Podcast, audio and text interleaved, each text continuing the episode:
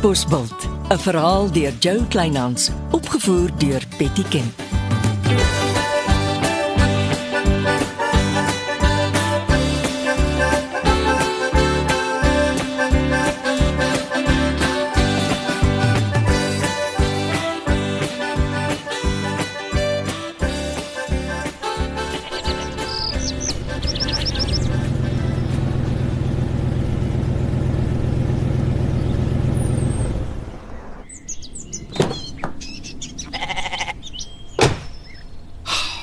Waar draai jy so?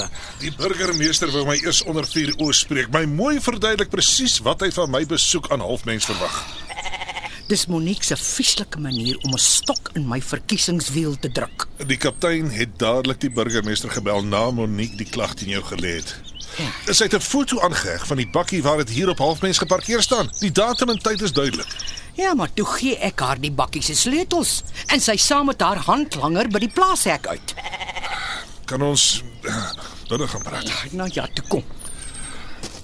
Is jou skuur al ingerig? Maar jou, ek kry nie tyd vir alles nie. Ek het gedink ek moet die fabriek op ys sit. Eers kyk wat met die verkiesing gebeur. Ja, is dalk 'n wyse besluit.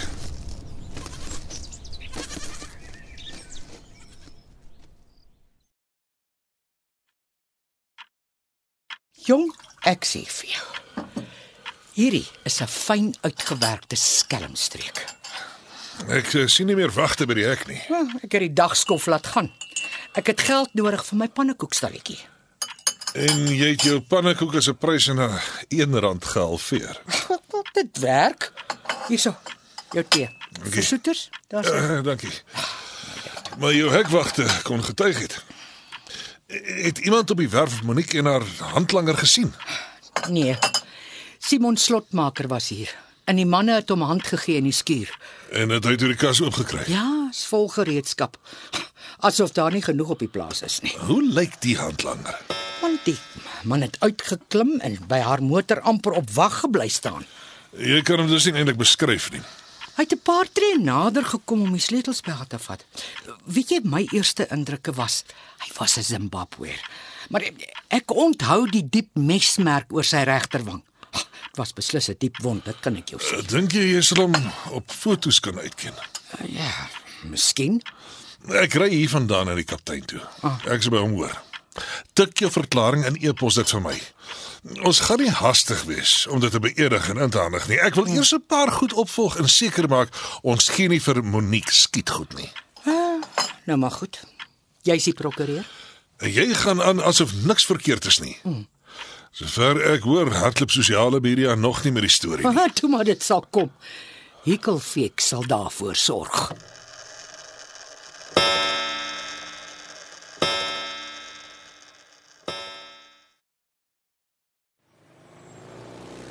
Chrissy, dit lyk kompleet of jy met 'n alwynpil in jou kies rondloop.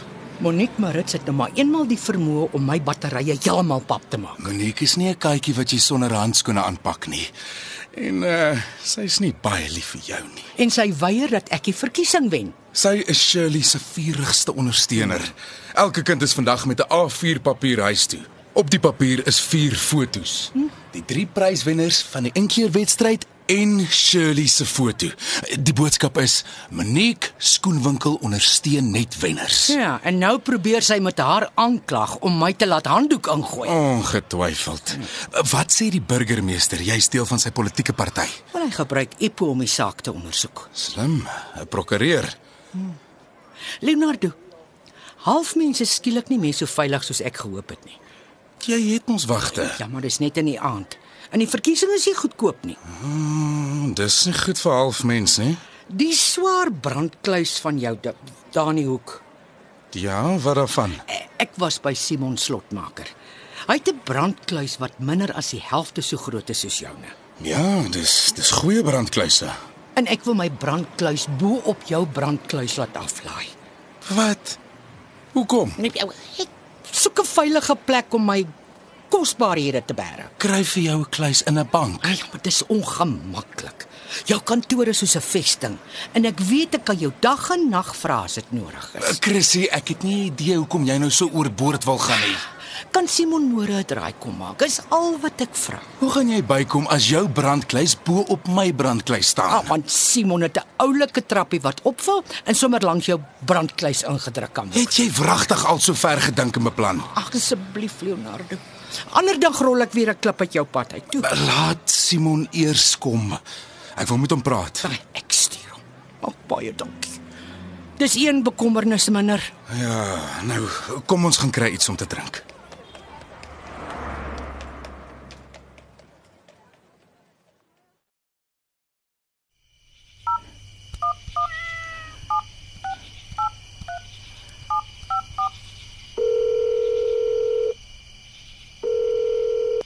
Epo, Ek staan in Susan Johnson se woonstel.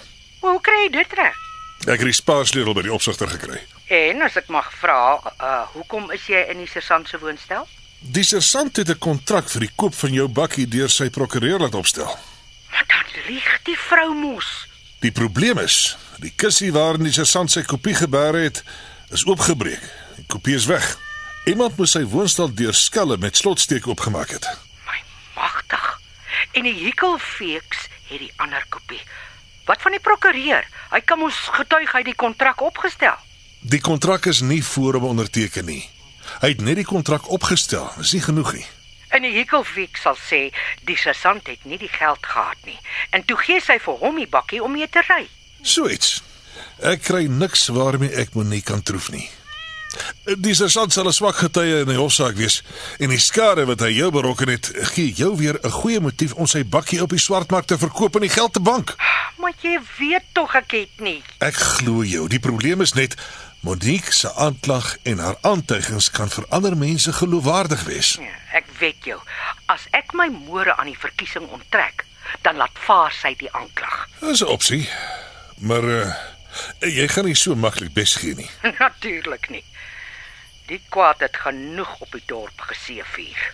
Goed, my ondersoek gaan voort. Die burgemeester wag vir my.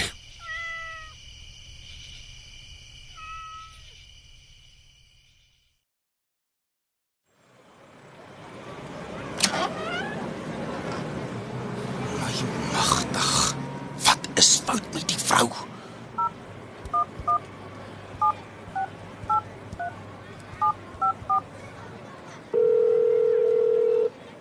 Môre Leonardo, Chrissy, ek het gesê ek wil eers met Simon Slotmaker praat. ek het hom die boodskap gegee. Ek staan hier in my kantoor en ek sien jou nuwe brandlys is klaar bo op my brandlys. Ai, vreeslik, dankie Leonardo. Jy's 'n vriend duisend. Ek het nog nie met die man gepraat nie. Ek was Rolbos toe om blou draad vir my draadwerk kunstegroep te kry. Die burgemeester open die projek Saterdag. Ek weet, hy het my genooi. Ons gaan my verkiesingsveld tog 'n hupstoot gee. Ag Leonardo, skus vir die misverstand. Ek in die brandkluis sal jou minimum pla. Ek beloof. En nogmals dankie. Chrissy, jy skuld my. sien jou Saterdag. Hmm, hoekom het jy regtig die brandkluis in my kantoor laat indra, Chrissy? So, die brandkluis het 'n hele paar sent gekos. Ek hoop nie jy betaal dit met die geld wat jy vir Monique se bakkie gekry het nie.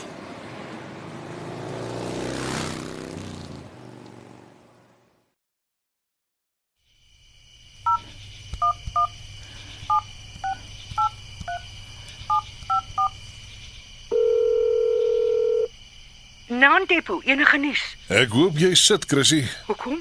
Rolbos polisie het laatmiddag die bakkie gekry, uitgebrand.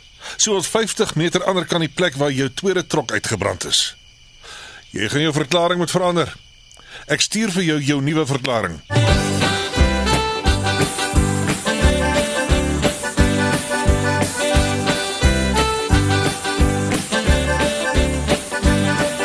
Dit was Katbosveld deur Jo Kleinhans.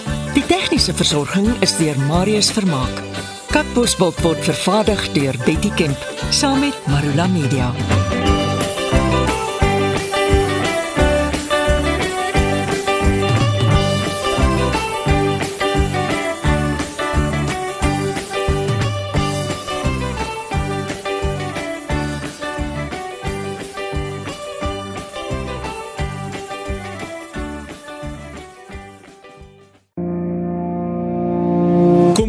Saam met my, Kurt Darren en nege van my sokkie musiekvriende op die Super Sokkie Bootreis 2024. Marula Media gaan ook saam vanaf 8 tot 11 Maart 2024 en ons nooi jou om saam met ons te kom sokkie op die musiek van Jonita Du Plessis, Early B, Justin Vega, Jay, Leani May, Nicholas Lou, Jackie Lou, Dirk van der Westhuizen Samantha Leonard. en Ray Dillon. Afrikaanse musiek gaan weer klink van die kuierareas tot die dek tot reg in die teater van die splinte nuwe MSC Splendide. Bespreek nou jou plek op die Super Sokkie Bootreis by www.msccruises.co.za.